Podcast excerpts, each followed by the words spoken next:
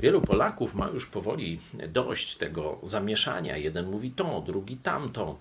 Y, urzędy przeczą nawzajem sobie. Prezydent przechowuje przestępców, no i tak dalej, i tak dalej. No, ktoś powie, y, jakie z tego dobro może wyjść. No, może.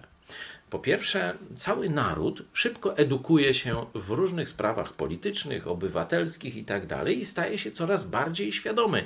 Te wyniki Sejmu mówią o tym jasno. A jeśli byście zobaczyli do Biblii w liście do Koryntian, mamy taką samą sytuację w kościele, podziały, zamieszania itd. Tak I Bóg mówi: z tego wyjdzie dobro. Okaże się, kto jest wypróbowany, kto prawdziwie idzie za Jezusem, za dobrem, za prawdą.